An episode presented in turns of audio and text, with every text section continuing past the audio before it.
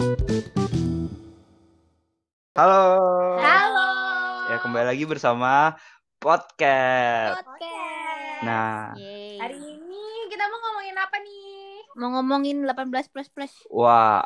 oh, ja- tapi jangan ngomongin kita ngomongin yang enggak enggak ya, maksudnya ya Ya ini 18 plus plus ya maksudnya kita mau ngomongin masalah eh, reproduksi iya betul. dan kesehatan seksual. Hmm, berarti sebenarnya nggak 18 plus plus juga ya. Soalnya sebenarnya sedari puber harusnya kita tuh udah mulai belajar soal reproduksi ini. Tapi kayaknya Betul. materi pubertas dan kesehatan reproduksi tuh untuk anak SMP, SMA masih kurang. Iya, Iya, masih kurang. padahal kayak puber tuh dulu pas zaman kita aja SD tuh udah puber. Apalagi zaman sekarang Mm. gitu kan makin maju makin maju. So, jadi betul, tuh betul. apalagi di Indonesia tuh masalah masih tabu gitu kan. Padahal belajar Hmm. seks itu kebanyakan malah jadinya jatuhnya bukan dari orang tua, bukan dari sekolah, malah dari mana ya? Dari- Gue tuh beda-beda kalau orang Indonesia mah karena nggak ada yang ngajarin, jadinya kita mencari sumber-sumber sendiri. Mm-mm.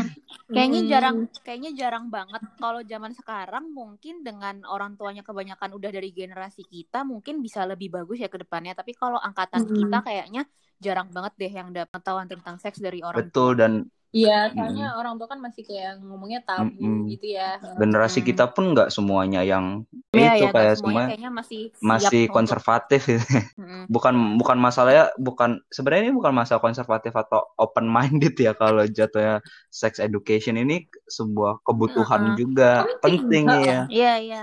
Memang eh, kesiapan dari masing-masing orang untuk bisa membagi ilmunya sih kalau sendirinya juga masih belum paham gimana bisa mau ngajarin ke anaknya atau Iya. gimana.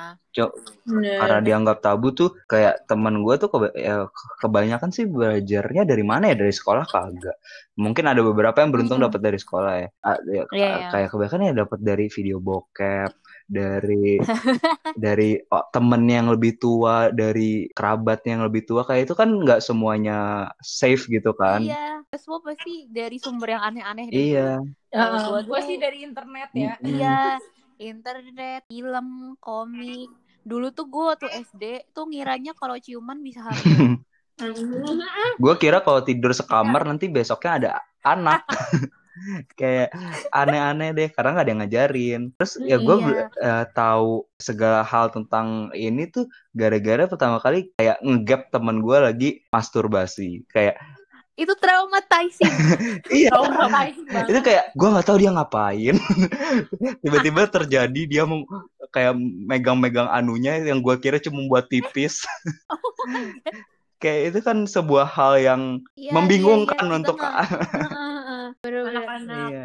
Orang kita SMA aja ada pelajaran biologi, terus ada pelajaran apa pembuahan sel telur, apa sperma eh, bertemu dengan sel telur. Nggak dibilangin tuh gimana caranya sperma ketemu sel telur, itu kita pengetahuan sendiri. Mm-mm. Iya, kalau makanya. udah merembet-merembet ke sana pasti sekelas ketawa terus kayak Iya. bukan hal yang lucu sebenarnya Iya. Iya, emang harus lebih dibiasain aja.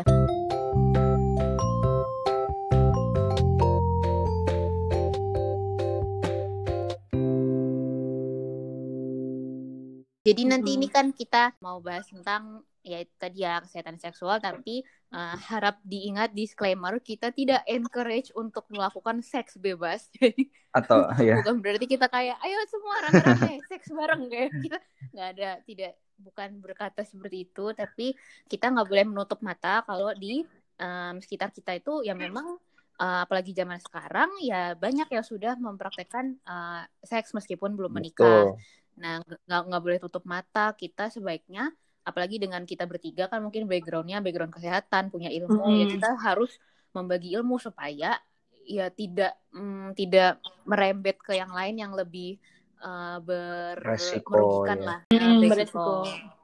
Tuh. Terus habis itu juga buat sesama tenaga kesehatan juga sih Hmm, buat sejahat-sejahat kita juga yang mungkin kalau misalnya ketemu pasien yang datang kalau misalnya mengarah ke perilaku seks bebas atau punya IML, Ya, infeksi menular seksual itu jangan judgmental sih. Betul, betul.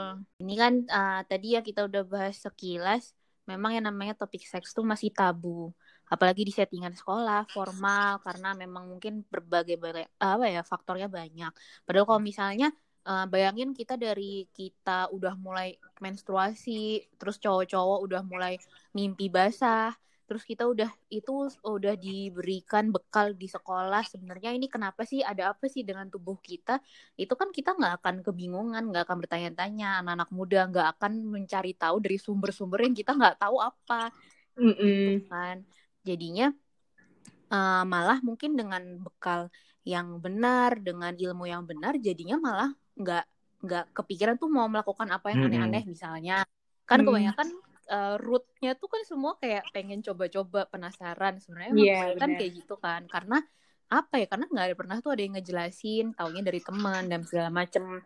Tahun lalu tuh ada film mungkin kalau kalian ada yang nonton juga tuh film dua garis biru itu itu sebenarnya cukup menggambarkan sih gimana sih kondisi awareness soal pengetahuan seksual kesehatan seksual tuh masih minim banget baik di anak yeah, muda bener. maupun di orang dewasanya juga hmm. terus gimana kurangnya akses untuk kelayanan kesehatan mungkin karena stigma dan lain-lain gitu. Mm-mm. Jadi makanya sebenarnya memang untuk anak muda apalagi yang di bawah umur otaknya masih berkembang uh, masih mudah terpengaruh oleh lingkungan harus diberi pengetahuan yang jelas seks tuh gimana sih akibatnya kenapa semua harus dipikirin baik-baik dan segala macam mm. malah malah mm. karena kalau misalnya kita nggak tahu apa-apa mereka kayak masih nggak tahu apa-apa tapi teman-teman udah ngerti kan kayak pengen mm. cari tahu sendiri gitu kan nah malah yeah. mereka cari taunya ke sumber yang nggak benar malah ada beberapa yang mm. malah ya udah dipraktekin yuk kayak malah jadi yeah, perilaku seks yang nggak aman padahal kalau misalnya lu kasih tahu dari awal mungkin mereka malah nggak mau karena tahu akibatnya apa aja. Atau misalnya kalau memang tetap mau ya kayak dengan cara yang aman kayak gitu. Nah emang yeah. perilaku seks nggak aman tuh kayak gimana sih? Jadi perilaku seks nggak aman tuh ya banyak banget sih maksudnya. Contohnya yang paling simpel aja ganti-ganti pasangan. Terus nggak iya, pakai yeah, yeah pengaman kayak kondom. Terus nggak aware juga sama status kesehatan masing-masing. Status kesehatan sosial kayak misalnya pacarnya tuh ganti-ganti pasangan juga nggak sih pacarnya tuh. Iya. uh, punya penyakit kelamin nggak sih kan nggak uh, harusnya tuh dijela ditanya dari awal masih kita harusnya tahu status masing-masing gitu. Betul. Mm -mm.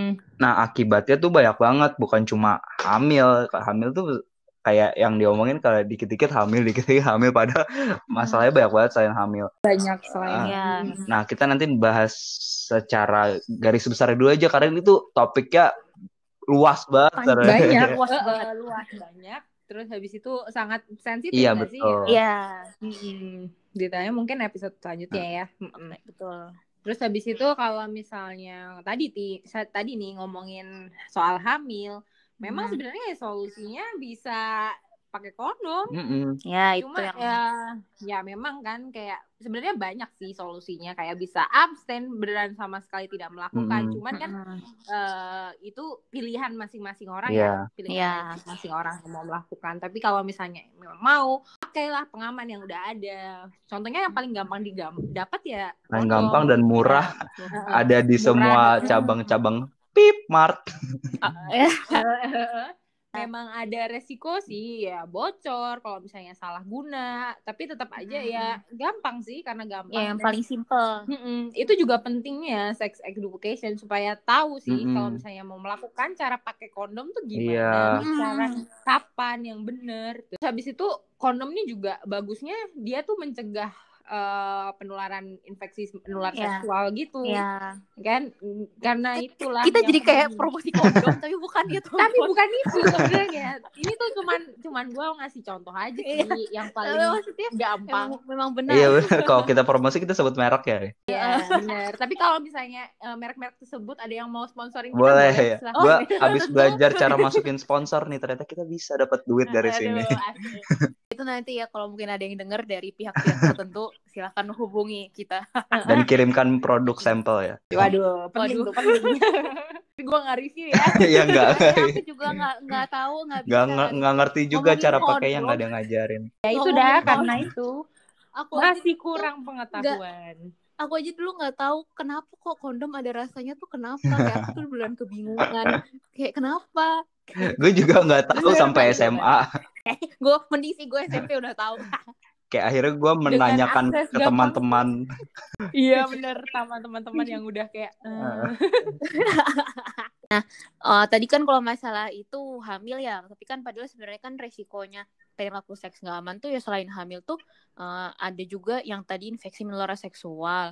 Masalahnya tuh kalau memang masyarakat awam tuh kayaknya banyak yang masih belum ngeh mm-mm. atau belum terlalu aware dengan adanya infeksi menular seksual ini. Taunya tuh cuma HIV/AIDS kan memang yang paling eh, yang paling terkenal. iya tenar. paling kedengeran lah itu. Mm. Padahal sebenarnya banyak penyakit lain.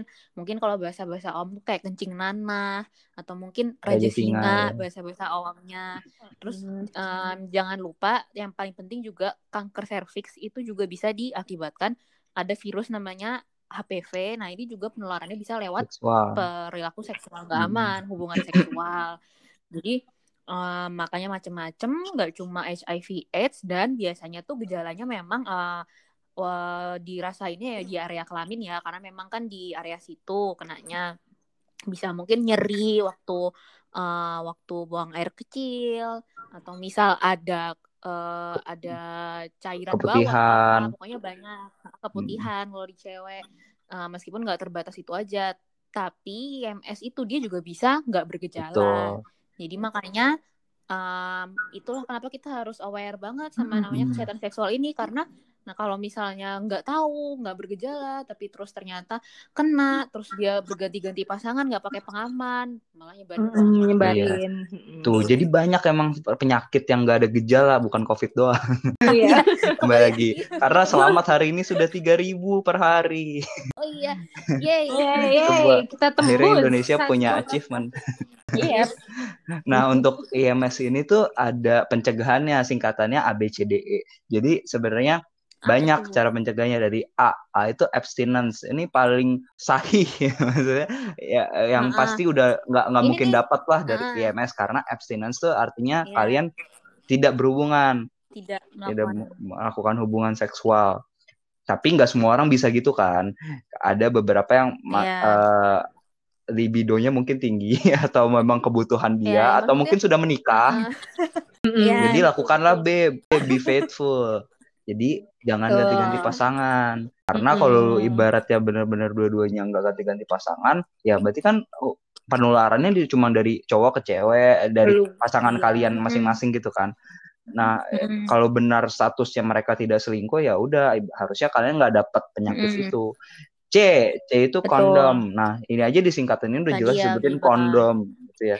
Karena emang Mm. paling simpel, paling murah, bisa didapetin di mana aja dan memang Iya. terbukti mencegah walaupun nggak 100% tapi ya emang tinggi kemungkinannya. Mm-mm. Yang D, D itu drug. Jadi kalau misalnya ada, ada gejala, gejala. Hmm? Intinya sih intinya kalau drugs tuh dia ya udah kalau kena Iya, diobati jangan gitu loh. sampai jadi Jangan komplikasi gitu kan. Ya, Ya. Atau Mm-mm. jangan sampai menularkan Karena pasangannya. komplikasinya tuh serem loh. Mm-mm. Komplikasinya serem kan kayak raja singa itu kan kalau misal dibiarin bisa seluruh itu. tubuh Bisa kayak, kotak Mm. juga. bisa kotak Sistemik. heeh, Mm-mm. kejang dan segala macem Nah, yang Ya. terakhir tuh E, education, yaitu dari kita-kita sendiri lah. Maksudnya kalau se- Ya. sebagai tenaga kesehatan kayak kita nga- ngajarin Hmm. maksudnya ya sex education itu gimana. Nah, sebenarnya itu nggak terbatas di tenaga kesehatan doang kayak semua orang tuh Betul, harusnya betul, tahu dan mengajarkan. Mm. Ya masa eh, masalahnya ya tadi karena masih tabu, terbentuk terbentrok Mhm. sosial, kultur, agama. Pada ya harapannya Hmm. sih di zaman yang kayak gini semua orang udah nggak gitu ya. Karena kan kayak kita Iya. udah ada film juga tuh yang bagus di Netflix yang series sih yang menjelaskan Oh, tentang sex education. Ya Iya. judulnya sex education sih. Iya, judulnya sex education. Mm. Iya, kayak menurut menurut gue sih standar eh, standar eh, edukasi seksual yang bagus tuh ya si ibunya tokoh, Tokoh utama utama. situ. bener Bahkan tuh di Amerika kayak di film itu di Amerika yang sudah mempraktekkan free sex dari SMA aja, mereka masih tabu kalau si ibunya autis itu ngajarin Iya. mereka gitu kan kayak sih Iya. kayak se- Dan yang yang kocak tuh yang ada bagian mereka apa namanya? Mereka ada dibilangin lagi ada Iya. terus semua orang pakai masker. Ah, episode wabah apa tuh sifilis ya? Iya, klamidia, klamidia. klamidia. Nah, itu kalau orang nggak sex educationnya juga nggak bagus. Nah, itu Indonesia bisa kayak gitu maksudnya kayaknya kita ke arah sana sih emang kayak semua orang anak SMA udah free sex bahkan udah bikin video bokep tapi nggak ngerti resikonya. itu tuh Aduh, resikonya konsekuensinya tuh gede banget beneran kayak nggak sekedar cuma Mm-mm. apa ya ketika ketika terjadi hamil di luar nikah pun itu konsekuensinya beneran ke mana-mana Ah. banget gitu loh dan ketika, dan nggak cuma terbatas di anak SMA yang seumuran kita pun banyak yang Gak juga masih uh, belum iya, ngerti, belum uh. ngerti. tapi perilakunya udah jalan ya banyak yang kayak Iya. gitu juga Benar. padahal kan untuk diri sendiri Itu tuh bahaya. akibat gara-gara kita sok-sok kan sok suci ya maksudnya kayak sosok nggak mau ngomongin tentang seks karena itu mau do- salah. pura-pura pura-pura ah, nggak tap- tahu tapi sebenarnya terjadi Uh-uh. gitu. Iya. iya Dan yang nyebelin adalah perilaku seks bebas itu bukan cuma gencar di anak muda yang kesannya kayak uh, kesannya uh, open minded atau gimana enggak karena yang namanya orang tua boomer itu juga banyak yang suka jajan di luar tuh apa kalau Iya. bukan perilaku seks nggak aman. benar Banyak benar, banget kayak pasien yang cewek punya anak terus tiba-tiba HIV positif dari Iya. mana? Dari suaminya jajan. dari bawah Ya, eh, jangan benar. lupa uh, uh, HIV AIDS sekarang tuh tertinggi tuh rate-nya malah di ibu-ibu rumah tangga Iya, betul. karena ketularan dari suaminya yang pada jajan di Yang luar. jajan. Tuh, jadi jangan nyalahin dikit-dikit gara-gara anak-anak muda, muda, iya. Heeh. atau enggak gara-gara LGBT. hidupnya gini-gini gitu. Mm-mm.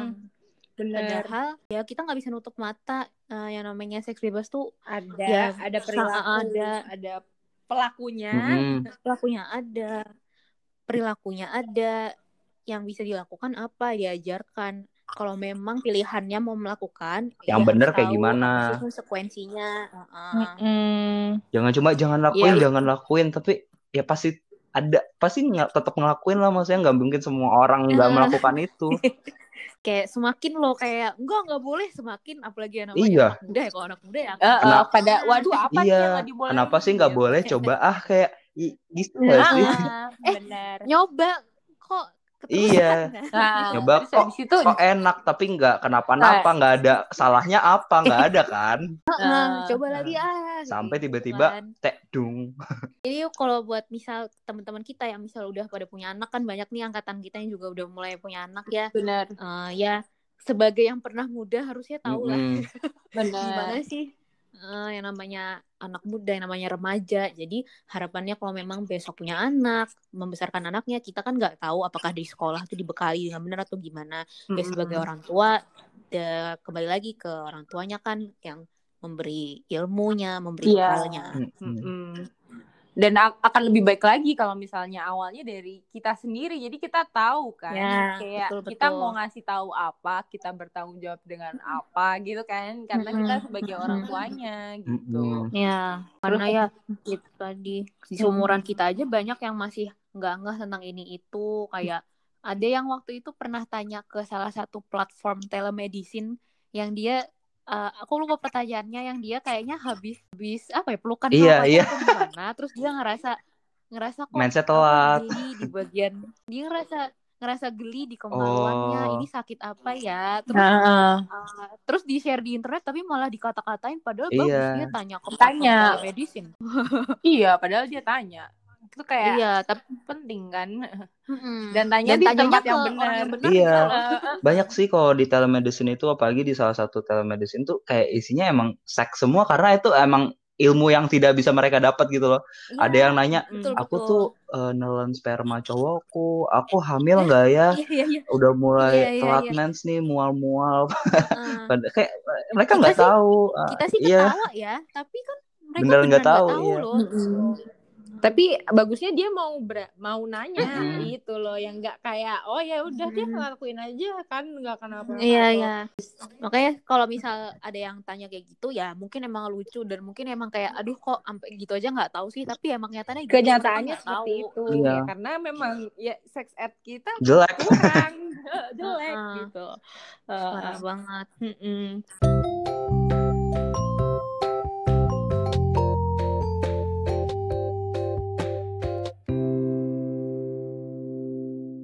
Selanjutnya nih, eh, ini kembali ke topik tadi ya, eh, masalah seks ini. Eh, semua tadi kayak misalnya kita bilang pakai kondom, eh, pencegahannya, terus misalnya em, ini harus ngerti harus ini itu, ini semua tuh nggak akan bisa dilakukan kalau misalnya di suatu hubungan seks itu nggak ada yang namanya konsen atau persetujuan. Kan Benar. sebenarnya salah satu salah satu syarat hubungan seks yang aman itu tentunya harus ada persetujuan atau kemauan dari semua pihak yang terlibat. Ini Benar. kayak kita kalau misal tenaga kesehatan mau tindakan ke pasien, misal mau nyuntikin obat, kita kan juga butuh yang namanya minta konsen atau persetujuan. Nah, kan kita tahu yang namanya syarat konsen itu pertama yang memberi konsen atau persetujuan tuh harus udah cukup umur. Ini juga berlaku sebenarnya di hubungan seks ini. Benar. Nah, jelasan yang lengkap mengenai tindakan, udah Mm-mm. ngerti orang yang mau diminta persetujuan tuh harus mengerti apa yang mau dilakukan ke dia, efeknya ke dia apa, eh, nanti bisa terjadi apa, dan Mm-mm. orang itu tidak di bawah pengaruh substansi atau bisa alkohol atau apa. Heeh. Pokoknya dia tuh bisa Jernih. dan dia tidak memberi persetujuan di bawah Hmm. tekanan. Ini tuh sama persis ya kayak kalau misalnya eh, seseorang mau berhubungan seks betul. ya harus ya itu dari dua-duanya kalau misalnya bayangin kayak eh, lo di misalnya seseorang ini dipaksa sama pasangannya ya gimana dia mau pakai kondom orang dipaksa ya kayak gitu Iya. kan Benar. terus kalian itu kan kejadiannya nah Hmm, tuh iya. ini sebenarnya itu sih sebenarnya sebuah masalah yang ya kayak kita ak- harus bisa Mm-mm. ngebahas di satu episode sendiri karena Benar. apalagi di benar. Indonesia gitu kan kayak belakangan ini dikit-dikit viral kayak pemerkosaan, Mm-mm. predator Hmm. seks itu semua terjadi Iya. karena nggak ada konsen dan dilakukan Mm-mm. di protected group grup beresiko kayak yang tadi Nia bilang orang-orang yang di bawah umur yang masih nggak Iya. ngerti seks itu apa yang Benar. in- masih Mm-mm. pola pikirnya tuh pertimbangannya masih immature masih uh, Iya. jadi mereka kayak cuma aja padahal Uh-uh. saya kan makanya di anak di bawah 18 tahun tuh harusnya nggak boleh gitu kan Iya. Belum bisa Jadi ini buat- konsen, Uh-uh. Ini buat anak-anak di bawah umur ya kalau misalnya memang ada yang denger nggak nggak tahu sih ada atau enggak tapi kalau misalnya ada yang denger kayak ya apa pun yang kamu lihat di eh, sosial media kayak orang tuh kan sekarang kan banyak yang pada kayak gitu ya akun-akun alter Iya. di Twitter kalau misalnya ada yang main Twitter Benar. Terus nonton film nonton film terus ngelihat ih kalau di film pada kayak gitu-gitu Eh, tapi kalau misalnya kalian masih di bawah 18 tahun ingat kalian tuh masih berkembang jadi tindakan terbaik adalah menghindari sebelum. Umurnya. Nah, karena tuh kalian tadi kalian tuh gampang masih gampang dimanipulasi kayak gampang lah dijebak orang-orang gitu karena pikirannya Mm. memang belum pengetahuannya kurang belum matang pikirannya Nah, bahkan di uh. grup yang umurnya di atas 18 pun masih Iya. gampang dimanipulasi gitu Da- Mm-mm. Iya. Karena nggak tahu apa, Mm-mm. nggak banyak tahu tentang ternyata ini Mm-mm. salah, ternyata ini ngaruhnya Mm-mm. ini. Uh-uh, dan mereka juga nggak tahu Hmm. konsep konsen kayak kayak Iya. pacarku minta ya udahlah kasih maksudnya iya iya Ya, itu itu tuh padahal Kalian berhak nolak misalnya- gitu. Heeh, benar Mm-mm. benar. Dan ini di kondisi pacaran ya suami Iya. istri juga ini kan juga sekarang lagi sering dibahas Iya benar. bisa ada ada pemerkosaan di dalam Iya. pernikahan pokoknya makanya topik kesehatan seksual ini sebenarnya luas Mm-mm. banget memang Mm-mm. jadi itu semua butuh konsen maksudnya walaupun kalian udah nikah mau mm, mm, mm, ya juga harus minta izin ke istrinya atau istrinya minta Nah, izin ini ke suaminya ini gitu. tanda tanda masih Iya. tabu lo mau ngomong ngomong-ngomong aja lo Iya itu ngomong. tanda masih tabu bener. Karena ngomong Makanya. ngomongnya juga bingung bahasanya apa ya. berhubungan Berhubungan kopulasi.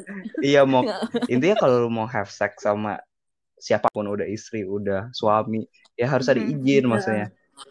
Benar. nggak nggak nggak boleh maksa tidak boleh orang itu menyetujui di bawah tekanan Iya, di bawah benar. ini di bawah substansi makanya kalau misalnya memang memang minum alkohol atau apa ya Jangan. keluarkan konsen yang dikeluarkan ketika orang itu lagi di bawah alkohol itu bukan berarti konsen kan dia lagi Iya. belajar nih pikirannya Ya, jadi benar. ya masalahnya Iya. bukan Sekarang- IMS doang sih kayak kalau hubungan seks tuh pasti masalah mental juga. Kalau misalnya kita nih sebagai tenaga kesehatan terus jawat-jawat di sana di luar sana, kalau ada pasien dengan keluhannya IM akunya nggak aman, kita juga nggak boleh judgmental karena ya nggak tahu Iya. kan dia mabuk kek betul atau di bawah betul. manipulasi kek atau enggak suaminya emang jegalak gitu kan. iya iya Eh, soalnya sering sering banget kayak ngelihat di dekat kita sendiri ya maksudnya secara pribadi mm-mm. Uh, insya Allah gue nggak pernah di depan pasien kayak gitu Mm-mm. seingat gue tapi gue tuh sering juga melihat maksudnya uh, sejawat uh, entah entah dari profesi yang sama atau mungkin profesi yang berbeda Mm-mm. tapi di settingan yang sama itu mis uh, anak uh, cewek masih muda terus uh, keluar misalnya apa namanya mengarah ke situ itu pasti kayak yang eh, cara nanyanya biasanya kurang Ah, enak ah. misalnya ya kan Benar-benar. kayak lo cara nanyain ke orang eh eh, sexually aktif atau enggak tuh eh, jangan yang jangan kayak gitu. Iya, itu kayak oh dijudge banget nih gue jadi nggak mau Iya. kebuka jadi Iya. iya eh, orang eh, kan yang mau jadi nggak jujur Mm-mm, pasiennya bener. Gara-gara gini sih, gara-gara gini sih. Iya, Kayak malah kayak Bu benar-benar. Tejo.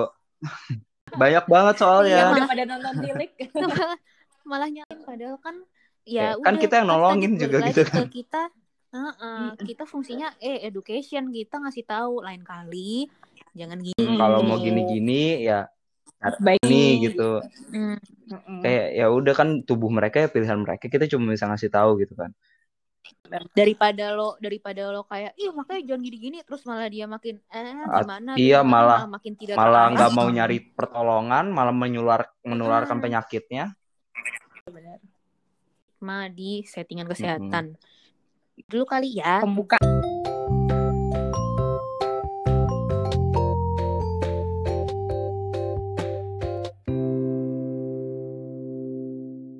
yang ini eh, pembukaan. Soalnya luas banget tadi mungkin nanti episode episode selanjutnya kita bisa bahas lebih dalam spesifik satu-satu. misal uh, uh, misal satu topik infeksi doang atau misal uh, KB doang atau apa nanti kita bahas kalau memang ada yang mau denger. Tapi kalau misalnya kalian mau cari pengetahuan, mungkin kalau ada yang dengerin selain eh, te- iya, selain tenaga-tenaga kesehatan mau atau masih yang underage yang dengerin, bisa juga kalian kalau mau nanya-nanya kayak gue saat tahu di Jakarta sih di Jakarta tuh ada salah satu klinik yang Hmm, bisa uh, buat ka- o- o- dokter-dokter itu kayak nggak judgmental semua orang di sana nggak Iya, betul, judgmental betul. dan privacy banget. Kalian bisa tanya-tanya juga via Twitter atau telepon tentang semua tentang hmm, reproduksi seksual kesehatan reproduksi It- dan mereka juga juga punya fasilitas tes gitu-gitu lengkap deh pokoknya itu kalian bisa cek di hmm. angsa merah namanya nah di, Oh, di iya, twitternya tuh iya. ada at angsa merah Instagram juga ada kayaknya Hmm, kalian bisa hmm. telepon juga kliniknya ada itu kema- di Jakarta kemarin Hmm. twitternya kemarin suka share-share Mm-mm. tentang uh, kesehatan seksual bener itu di follow aja di follow ya betul Hmm. Ini disclaimer kita bertiga nggak ada yang kerja di sana, tapi ya apa namanya maksudnya memang uh, Kita tahu, ngasih tahu aja. kita tahu aja mereka kerjanya bagus Iya. terus habis itu Ya, ya karena privacy gak judgmental sih itu yang itu kan penting penting Ah. privacy. mm, kayak Betul. mereka juga nggak ngejudge underage mereka juga ngejudge LGBT pokoknya mereka tahu ini tuh ada dan mau nolong gitu Mm-mm. kalau kayak mau Iya, nanya-nanya benar. juga bisa nanya ke kita sih sebenarnya kalau masih malu juga Iya. Kita menawa- memberikan Iya. ilmu seadanya Udah nggak update. ya, segitu dulu dan ingat kita tidak encourage untuk free ya sex. karena tadi ABCD juga ada A abstinence ya abstinence jadi kalau itu ya. pilihan kalian lakukan Jadi- dengan benar Ingat, pertama tiap pilihan ada konsekuensinya. harus sudah mendapat penjelasan lengkap mengenai tindakan dan konsekuensinya itu teman. Film dua garis biru itu kalau hamil tuh kayak gitu tuh.